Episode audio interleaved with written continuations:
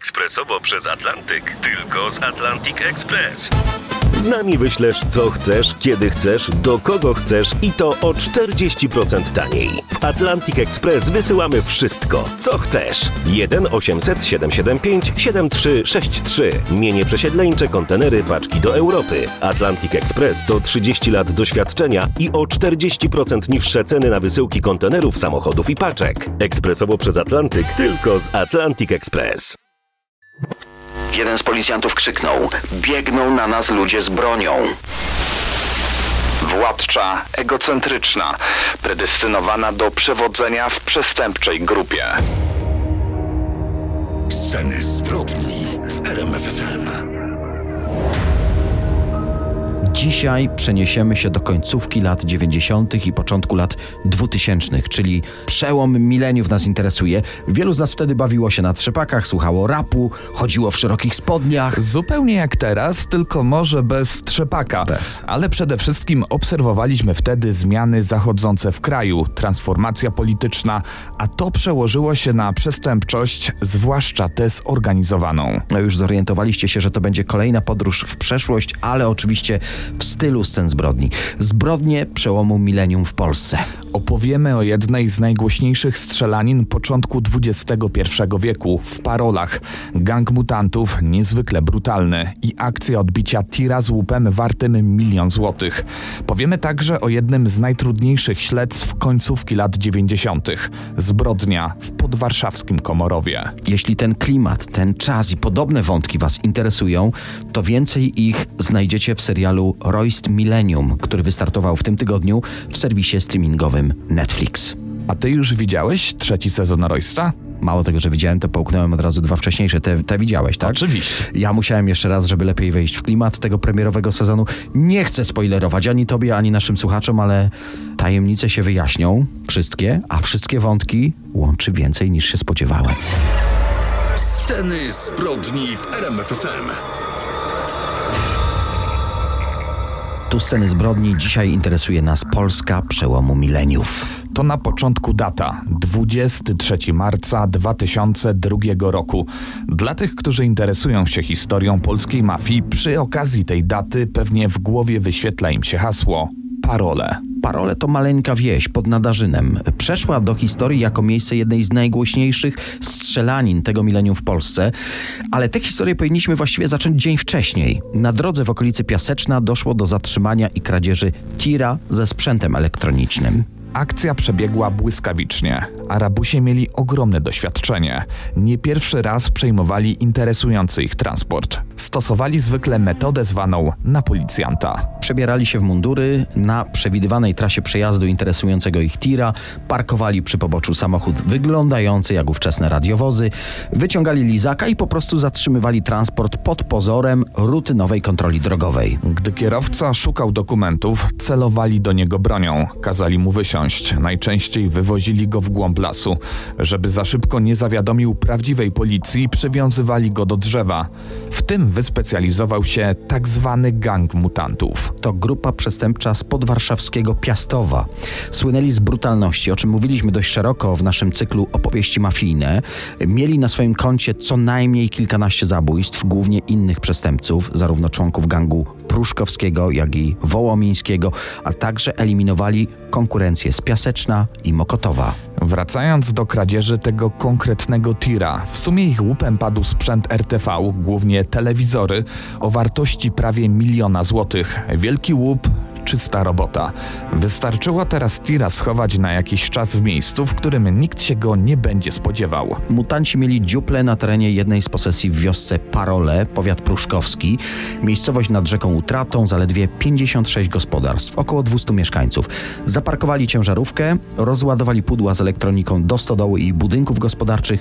Nikt tu nie będzie szukał trefnego towaru, dlatego też nikt łupu nie pilnował. A jednak następnego dnia z samego rana pojawiła się we wsi policja i udała się prosto do gospodarstwa, w którym stał zaparkowany na podwórku tir. To był deszczowy poranek. Wielkie koła ciężkiego pojazdu zagrzebały się w mokrej ziemi. Funkcjonariusze zabezpieczali skradziony poprzedniego dnia towar. Liczyli pudła w budynkach gospodarczych. Nie spieszyli się, w końcu mieli wszystko pod kontrolą. a jednak po kilku godzinach do posesji podjechało kilka samochodów. To, co wydarzyło się później, przypominało sceny z mocnych, sensacyjnych filmów. Tu sceny zbrodni w radiu RMFFM. Dzisiaj zajmujemy się sprawami z Polski z przełomu milenium. Wracamy do wsi Parole pod Nadarzynem w powiecie pruszkowskim. Na terenie jednej z tutejszych posesji gang mutantów zaparkował porwanego tira wypełnionego telewizorami wartymi niemal milion złotych. Następnego dnia, 23 marca 2002 roku, wcześnie rano pojawiła się tu policja i zabezpieczyła posesję. Mundurowi czekali na właściwą grupę, która miała zająć się zrabowanym sprzętem RTV. O 10 nieoznakowanymi polonezami podjechała piątka policjantów z Wydziału Kryminalnego. Przybyli policjanci mieli za zadanie ustalić, ile właściwie towaru znajduje się na terenie posesji. W pobliżu znajdował się także wezwany holownik i jego ekipa. Czekali na sygnał, kiedy będą mogli wydobyć z błota skradzionego tira. Czwórka policjantów ubranych po cywilnemu wynosiła pudła z budynków gospodarczych, a naczelnik sekcji kryminalnej Komendy Powiatowej w Piasecznie Mirosław Żak siedział w samochodzie i ewidencjonował wszystko w dokumentach. Najwięcej sprzętu znajdowało się w stodole, stojącej niemal przy drodze do gospodarstwa. W środku panował półmrok, więc policjanci otworzyli wielkie wrota, by wpuścić do środka światło dzienne. To później uratowało im życie. Prace trwały już wiele godzin. Na szczęście widać było koniec, może jeszcze z kwadrans i będą mogli wyjechać z tej wsi. Zbliżała się godzina 17. Nagle jeden z policjantów krzyknął coś w stylu: Biegną na nas ludzie z bronią. Dosłownie sekundy wcześniej pod zagrodę podjechało kilka samochodów. Zatrzymały się gwałtownie i ze środka wręcz wysypali się gangsterzy, każdy z bronią, głównie automatyczną. Dzięki otwarciu wrót stodoły policjanci zobaczyli wyraźnie biegnący w ich stronę tuzin mężczyzn, może 15, z bronią w rękach. Nie dali się zaskoczyć, zdołali znaleźć jakąś zasłonę, dosłownie w ostatniej chwili. Nadbiegający mężczyźni bez ostrzeżenia otworzyli ogień. Kryminalni nie mieli na sobie mundurów. Któryś zawołał: Stać, nie strzelać, policja. Napastnicy mieli odpowiedzieć: To my jesteśmy z policji. Prawdopodobnie gangsterzy naprawdę nie wierzyli, że policjanci mogli wpaść na trop ich uprowadzonego tira. Krążyły opowieści, że gang mutantów miał informatorów w piaseczyńskiej komendzie, kogoś, kto informował o akcjach, jakie przeciwko nim planowali kryminalni. Ale tym razem to ktoś z Warszawy dał znać o tirze. Policjanci z Piaseczna nie mieli świadomości, na jaką akcję się wybierają. Być może poskąpiono im informacji właśnie dlatego, że obawiano się przecieku. Tak więc gangsterzy mogli przypuszczać, że to inna grupa przestępcza postanowiła przejąć cenny sprzęt RTV. Chociaż już po akcji ustalono, że policjanci prowadzący ewidencję skradzionego sprzętu byli obserwowani przez gangsterów, zanim ci zdecydowali się zaatakować. Poza tym, no powiedzmy sobie szczerze, kto z przestępców jeździł w tamtym czasie polonezami? No i kto zamówiłby holownik do wyciągnięcia z błota tira, w którym przecież nie było żadnego towaru? Strzelanina trwała. Policjanci właściwie nie mieli wielkich szans. Było ich jedynie pięciu. W dodatku naczelnik nie wziął na tę akcję swojego pistoletu. Dysponowali służbową bronią krótką. Trójka miała pistolety P64 na 6 naboi a jeden funkcjonariusz pistolet P83 z magazynkiem na 8 kul. W dodatku jeden z tych P64 się zaciął.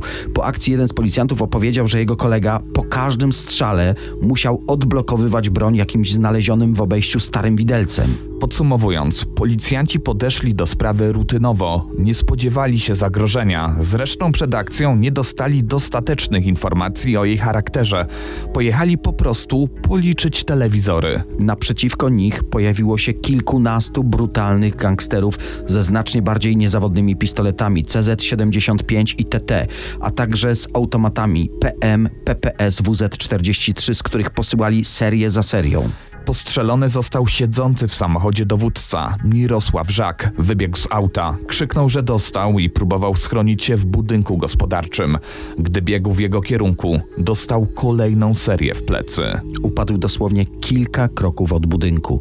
Strzelec ewidentnie wziął go na cel, do leżącego posłał jeszcze jedną serię i kolejną. Wymiana ognia przeciągnęła się do kilkunastu niezwykle długich minut. A jednak gangsterom nie udało się odbić swojego łupu. Policjanci z ukrycia strzelali celniej do biegnących polem gangsterów. Dwóch przestępców zostało rannych. Jeden dostał w klatkę piersiową, drugi w twarz i w plecy. Zdołali jednak wycofać się do samochodów. Pozostali strzelali, ale z taką zaciętością, że w końcu skończyła im się amunicja.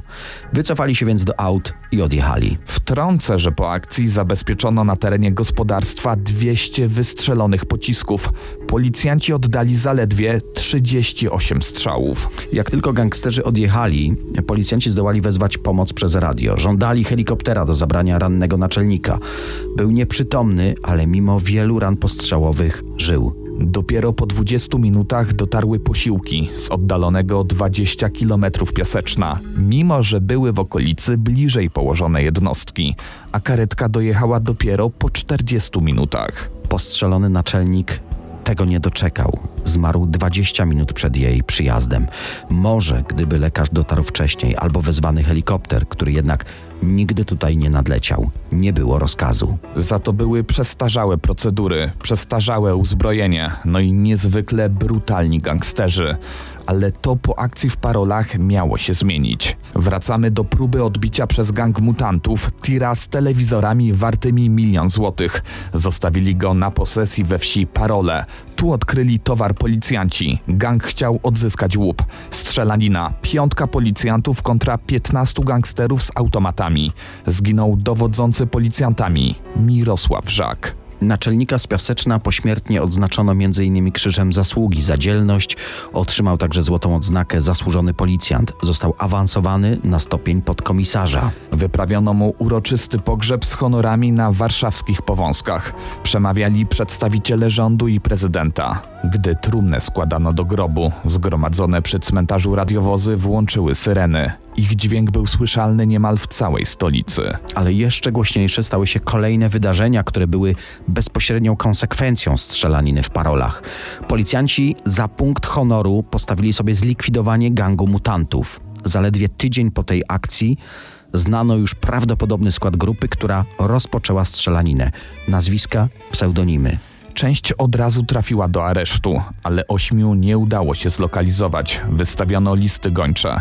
Tych najniebezpieczniejszych szczególnie wzięto na celownik. Tropiono ich dwa lata. Już w lipcu 2002 roku za kraty trafił brat szefa grupy mutantów, Mirosław B. Ale to nie była jakaś policyjna zasadzka, to był zbieg okoliczności. Napadł na listonoszkę, wsiadł do auta, a auto się zepsuło, no i wpadł. W styczniu 2003 roku gangsterzy Krzysztof M., pseudonim Fragles i Piotr R., pseudonim Gruby, zorientowali się, że ktoś jedzie za ich autem. Zamiast próbować zgubić ogon, jakby to zrobili inni gangsterzy, mutanci działali inaczej.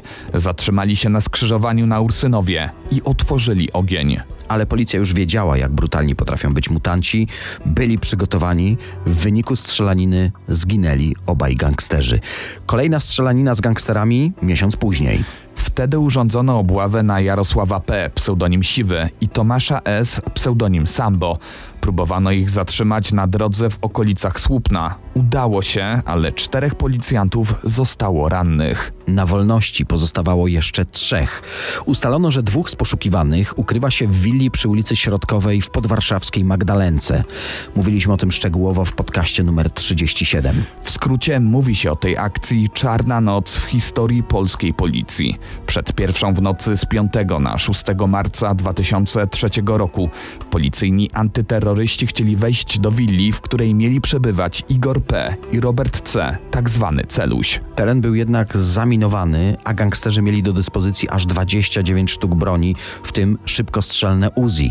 Na 23 antyterrorystów dwóch zginęło, jeden postrzelony, drugi od ładunku wybuchowego, a aż 17 zostało rannych. Dwójka gangsterów nie została trafiona ani razu. Zginęli w wyniku pożaru, który rozgorzał po wybuchach ich własnych min.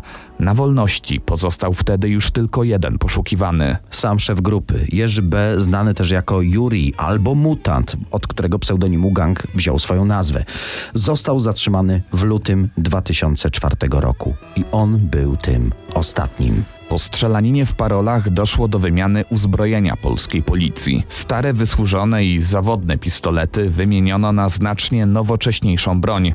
Do kabur trafiły niemieckie wersje pistoletów P99 Walter. Po Magdalence wyciągnięto kolejne wnioski. Doszło do reform w całej formacji, nowe procedury, zmiana taktyki, szkolenia. To wówczas powstało Biuro Operacji Antyterrorystycznych. Policjantów wyposażono w lepsze uzbrojenie, a do dyspozycji na te najcięższe akcje otrzymali m.in. opancerzone pojazdy AMZ Dzik. Te dwie tragiczne dla policji akcje, Parole i Magdalenka, stały się punktem zwrotnym. Oznaczały koniec mutantów, ale i początek reform, tak koniecznych w służbach mundurowych. Sceny zbrodni w RMFFM. Sceny zbrodni, dzisiaj Polska przełomu milenium. Przenosimy się do 18 czerwca 97 roku. Na policję dzwoni przypadkowy świadek, który przechodził nieopodal lasu przy rodzinnych ogródkach działkowych w Komorowie, niedaleko Pruszkowa. Jak informował, około 14.30 z białego samochodu Opel Astra wysiadło kilku mężczyzn i jedna kobieta. Po chwili usłyszał głośną kłótnię, do której doszło w tej grupie. Następnie trzy strzały z pistoletu i przerażający męski krzyk. Po kilku minutach biały Opel odjechał. Przechodzień zauważył ślady krwi na leśnej drodze. Policjanci docierają na miejsce zgłoszenia godzinę po odgłosach wystrzałów. Znajdują na ziemi strzałkę narysowaną przez świadka. Funkcjonariusze podążają w kierunku wyznaczonym przez tę strzałkę. Po chwili na skraju lasu odnajdują świeżo zasypany dół sporych rozmiarów. Szybko okazuje się, że pod warstwą ziemi i darni znajdują się zwłoki dwóch mężczyzn. Gdy policja dotarła na miejsce zbrodni, ciała ofiar były jeszcze ciepłe.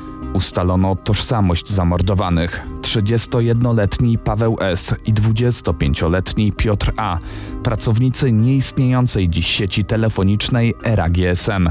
Nieopodal grobu znaleziono okulary przeciwsłoneczne, kluczyki do samochodu, niedopałki papierosów, butelki po piwie. Jedna z ofiar miała na ręce zegarek o wartości kilku tysięcy złotych.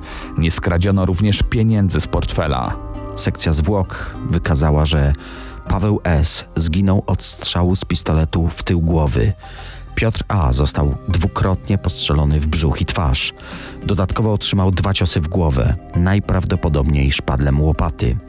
Narzeczona Piotra A. zeznała, że mężczyzna w dniu tragedii miał umówione spotkanie ze swoją byłą znajomą z pracy, Małgorzatą R. z Pruszkowa. 22-letnia wówczas dziewczyna studiowała zaocznie resocjalizację, jak charakteryzował ją później prokurator. Władcza, egocentryczna, nie licząca się z innymi, predestynowana do przewodzenia przestępczej grupie. Przed wydarzeniami z 1997 roku była już dobrze znana policji. Obracała się albo chciała się obracać w gangsterskim świadku. W 1995 roku razem z koleżanką oskarżyły wysoko postawionego gangstera grupy pruszkowskiej, pseudonim Krzyś, o gwałt.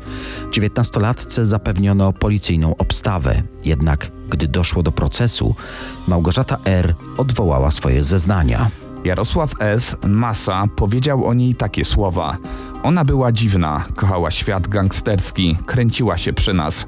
Kiedyś chciała dać mi kilkanaście tysięcy złotych za zabicie jakiegoś człowieka, który rzekomo czyhał na jej głowę. Kobieta do grudnia 96 roku pracuje przez kilka miesięcy w salonie Ery. Tam poznała dilera telefonów komórkowych Piotra A. Następnie zatrudniła się w kawiarni, której szef zalegał z wypłatami. Rankiem 19 czerwca 1997 roku, dzień po egzekucji w komorowskim lesie, policja aresztowała Małgorzatę R. Wkrótce na jaw wychodzą szczegóły jednej z najbardziej wstrząsających polskich zbrodni z przełomu milenium. Na podstawie zeznań świadków i tego, co ustalono w czasie śledztwa, spróbujmy odtworzyć dramatyczne wydarzenia z 18 czerwca 1997 roku. Jakiś czas wcześniej Małgorzata R. złożyła swojemu byłemu koledze z pracy, handlującemu telefonami komórkowymi, bardzo intratną propozycję. Dyskusyjny klub filmowy, którego patronem jest Bogusław Linda, chce kupić 32 komórki z wysokiej półki. W roku 97 telefony komórkowe były dość rzadkie, stanowiły dobro bardzo luksusowe. Te 32 konkretne komórki były wówczas warte ponad 50 tysięcy złotych. Prawdziwa fortuna. Dodajmy, że średnia krajowa wynosiła wtedy niewiele ponad 1000 złotych miesięcznie. Piotr A. nie zastanawiał się długo. Do transakcji postanowił włączyć kolegę z pracy, 31-letniego Pawła S. Prowizja ze sprzedaży komórek miała trafić w ich ręce. Zapowiadał się naprawdę dochodowy interes. Mężczyźni zapakowali do samochodu kartony z telefonami i pojechali w kierunku Komorowa. Jednak dilerzy nie dotarli do siedziby klubu dyskusyjnego, bo żaden taki nie istniał. O niczym oczywiście nie wiedział również Bogusław Linda. Wszystko było misternie zaplanowaną zasadzką Małgorzaty R. To ona była mózgiem całej operacji. Opel Astra dealerów komórkowych zatrzymał się przy ogródkach działkowych w Komorowie. Piotr A., Paweł S., Małgorzata R. i jej kompanii poszli w kierunku Leśnej Polany. Co dokładnie działo się później?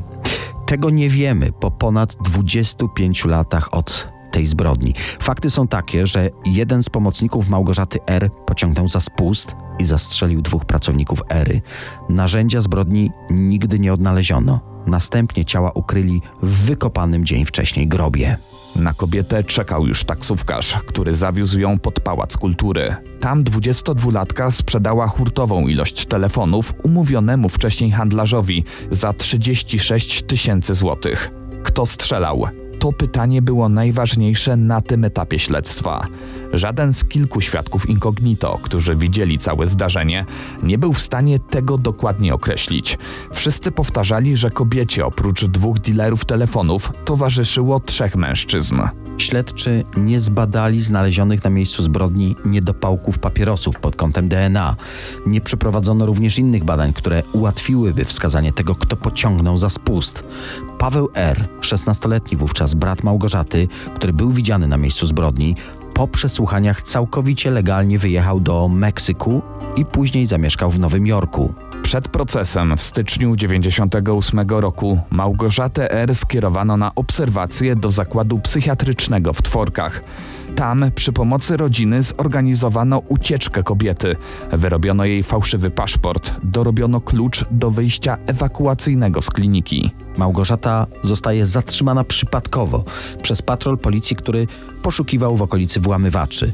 Przy dziurze w ogrodzeniu zakładu w Tworkach na kobietę czekał jej ojciec z biletem do Meksyku i adresem brata w Nowym Jorku. Samolot miał odlecieć już za godzinę. Ale zamiast do Meksyku trafiła na salę sądową. Jak wyglądał ten jeden z najgłośniejszych procesów lat 90.? Tu sceny zbrodni i Polska przełomu milenium. Wracamy do zabójstwa w Komorowie. W 1998 roku sala warszawskiego sądu pękała w szwach. Przed budynkiem bliscy ofiar wywiesili transparent. Polska stała się krajem mordu i bezprawia. Żądamy kary śmierci dla zbrodniarzy. W sierpniu 99 roku sąd skazał Małgorzatę R., która zaplanowała całą zbrodnię, na dożywocie. Kobieta zabrała do pomocy dwóch znajomych z osiedla, 17-letniego Krystiana M., finalnie uniewinnionego, i 20-letniego Marcina T., skazanego na 12 lat. Wyrok 6 lat więzienia usłyszał taksówkarz Adam B. Ojciec Małgorzaty, oskarżony o pomoc w zorganizowaniu ucieczki córki z zakładu w Tworkach, miał trafić na rok do więzienia. Małgorzata R. została nazwana przez media królową zbrodni. To przez swoje ekstrawaganckie zachowanie. Czerwone paznokcie, wyrazista szminka, długie rude włosy. To rzucało się w oczy wszystkim zgromadzonym na sali sądowej. Podczas procesu zasłaniała się lukami w pamięci. Nie odpowiadała również na pytania sądu. Jak powiedział sędzia w czasie uzasadniania wyroku dożywocia dla kobiety, to ona była organizatorem, to ona wszystko zaplanowała, to ona wydawała polecenia, to ona była przywódczynią. Pozostawała jeszcze kwestia Pawła R., brata Małgorzaty, który wyjechał do USA. On mieszkał tam całkowicie legalnie. Pracował jako hydraulik. Działał w Stowarzyszeniu Lokalnej Polonii.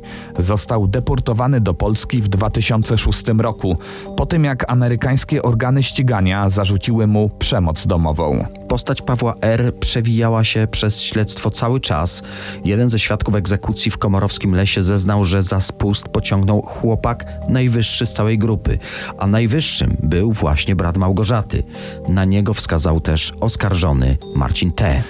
Podczas procesu Pawła R. w 2007 roku wszyscy uczestnicy tej zbrodni zasłaniali się niepamięcią. Wezwana w charakterze świadka Małgorzata zeznała, że brata nie było na miejscu zbrodni w czasie egzekucji. Miał przyjechać tam, gdy dilerzy telefonów już nie żyli. Wskazywała, że osobą, która strzelała, był mężczyzna w kominiarce. Można spotkać się z opiniami, że ta usilna próba obrony brata przez Małgorzatę, obwinianie innych oskarżonych było przeciwskuteczne i działało tylko na niekorzyść brata. W listopadzie 2009 roku Paweł R. został skazany na 15 lat więzienia. Przebieg tych dramatycznych wydarzeń w Komorowie pewnie już na zawsze pozostanie tajemnicą. Kto pociągnął za spust? Kto właściwie był tego dnia w lesie? Czy była to przygotowana egzekucja, czy też wypadek podczas próby zastraszenia dealerów era GSM? Te pytania nadal czekają na odpowiedź. Sceny zbrodni w RMF FM.